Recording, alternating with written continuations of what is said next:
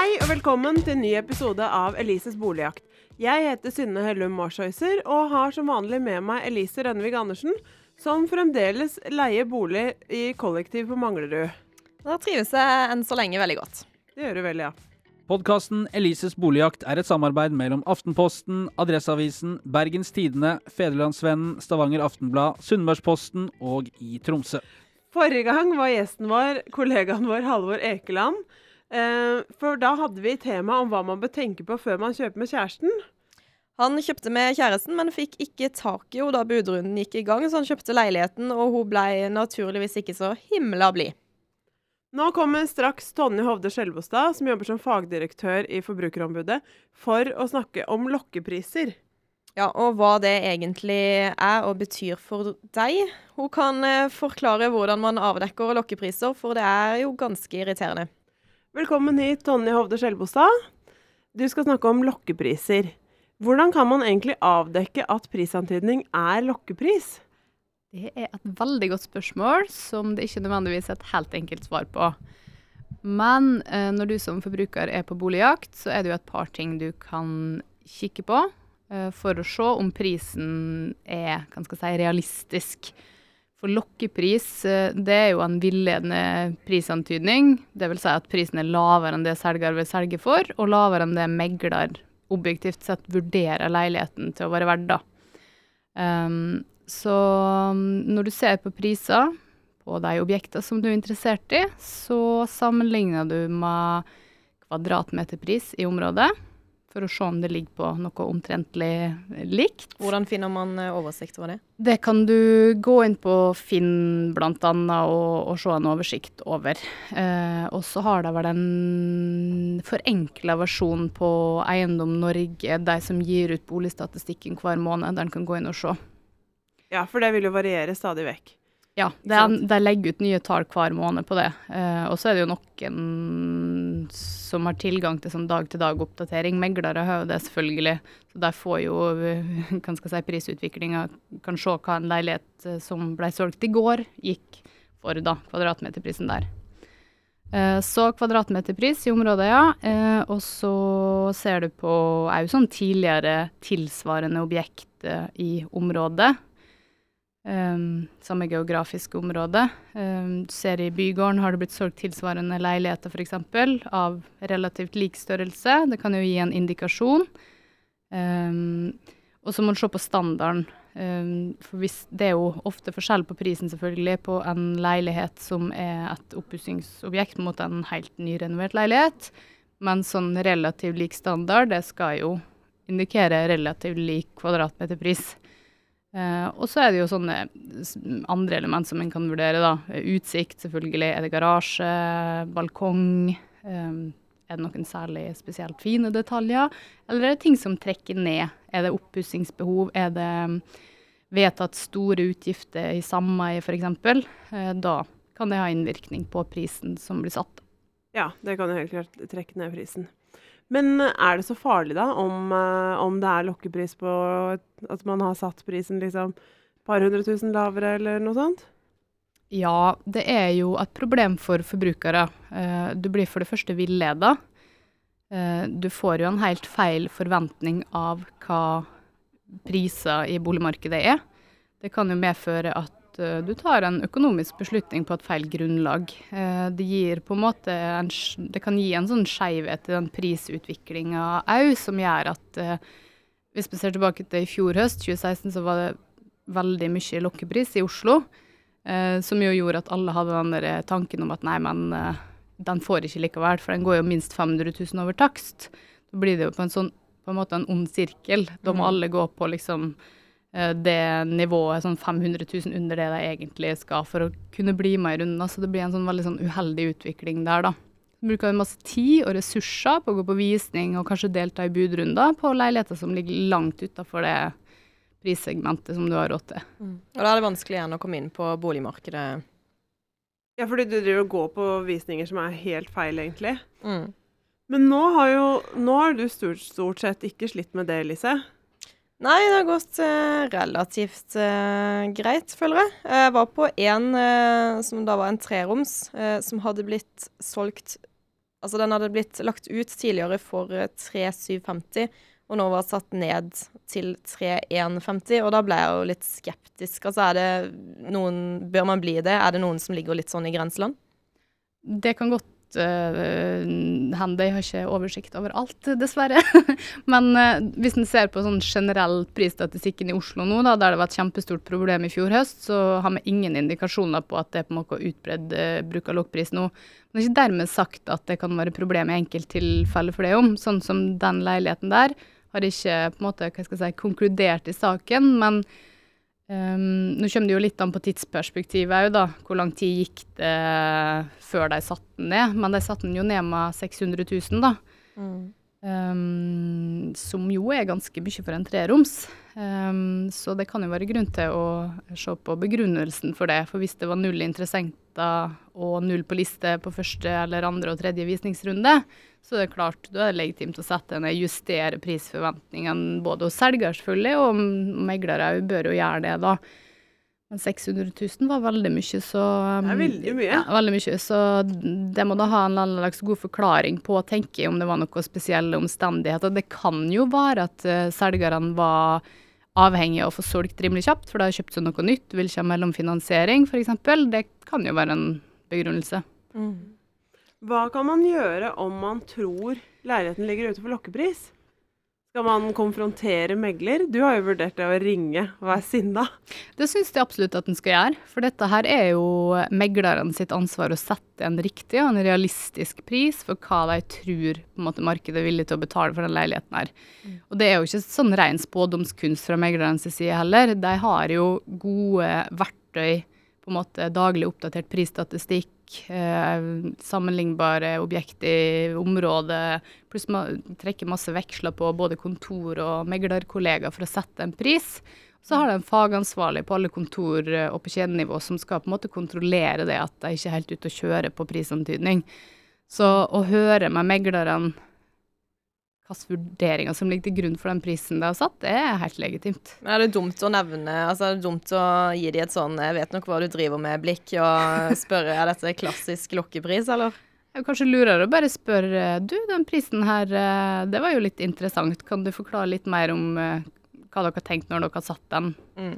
Eh, jeg så f.eks. at det gikk en leilighet over gangen her for to måneder siden som gikk 500 000 høyere. Er ikke dette her litt lavt? Så nå er det jo sånn etter en si, slags oppvask vi hadde om lokkpris i fjor høst, så har det jo blitt eh, stramma inn eh, Eller sånn Det har blitt presisert da, at meglere har en helt klar plikt, plikt til å dokumentere vurderinga for prisen de setter, rett og slett. Så jeg skal ha en skriftlig nedskrevet vurdering av den prisen jeg setter, hva som er begrunnelsen. Sånn som mm. i tilfellet der de har satt ned prisen på 600 000, skal det være en vurdering på hvorfor de har gjort det. Ja, Kan man få tilsendt eh, den vurderinga? Det er litt usikker på. Vi kan jo det, selvfølgelig, hvis, mm. vi, hvis vi finner grunn til å på en måte undersøke det med Finanstilsynet.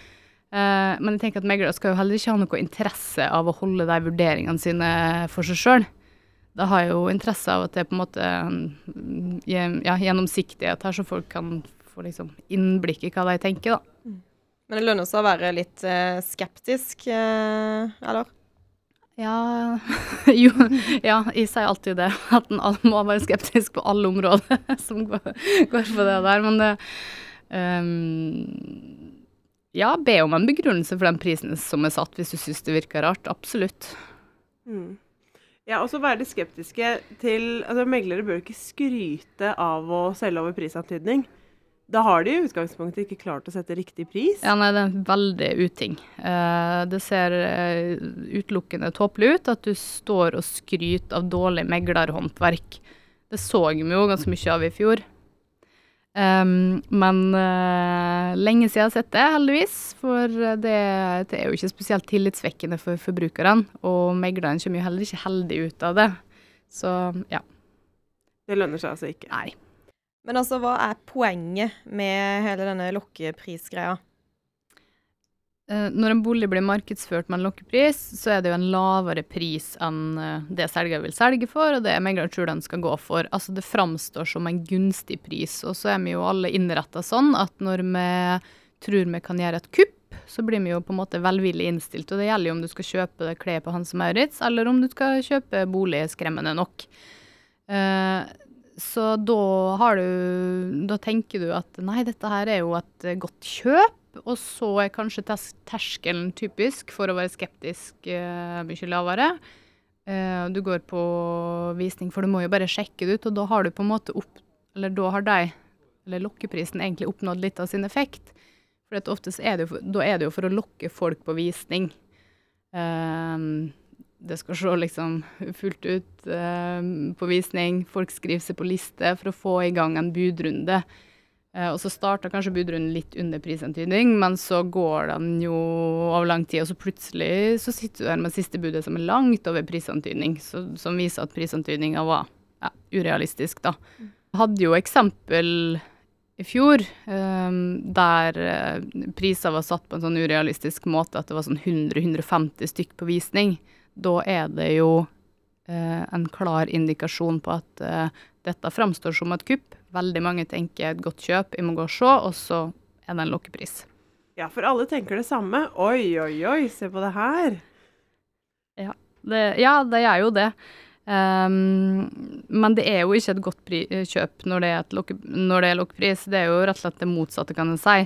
Uh, fordi at da har du på en måte trigga interessen forrige gang en budrunde, og så ender det urealistisk høyt. da. Så for kjøpere i det markedet her, så er det uheldig. Uh, og så er jo selgere og kjøpere ofte i det samme markedet, sånn at det slår jo ofte uheldig ut for på en måte liksom selgerforbrukeren òg, da.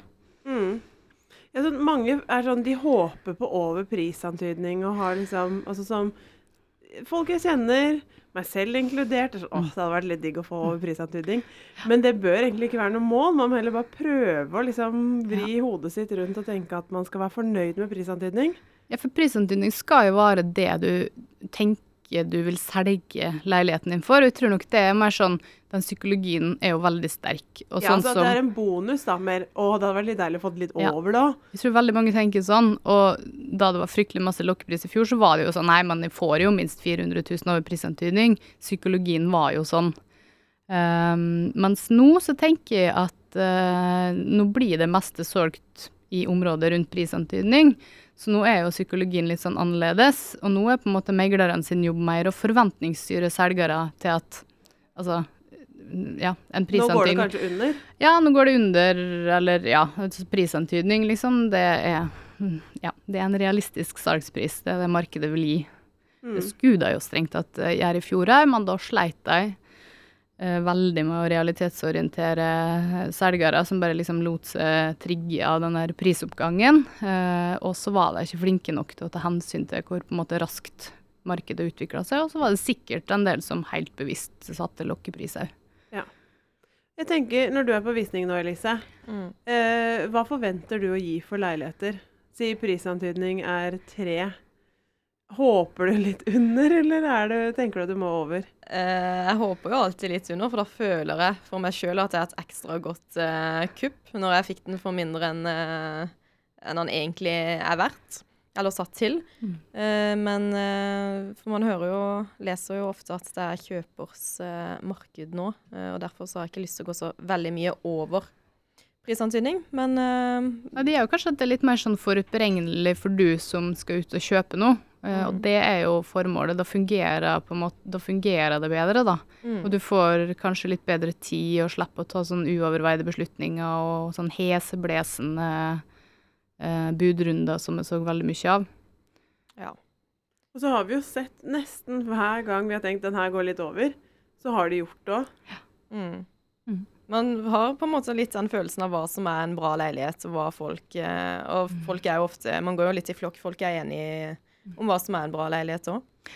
Det bør jo meglere vite, som eh, jo har det som sin jobb å selge leiligheter. De skal jo ha det kompasset rimelig godt på plass. Hva er et godt objekt? Og skal de vurdere å justere prisen deretter. Men si hvis jeg gir et bud til prisantydning eh, på en leilighet en plass, og selger ikke godtar det, Mm. bør det da eh, ringe en bjelle? Ja, eh, da må en jo sjekke med megler hva som er begrunnelsen for det, selvfølgelig. Og hvis, den, hvis selger da legger ut leiligheten etterpå, så må en jo oppjustere prisantydninga igjen. Fordi hun tyda jo på at den første prisantydninga var feil.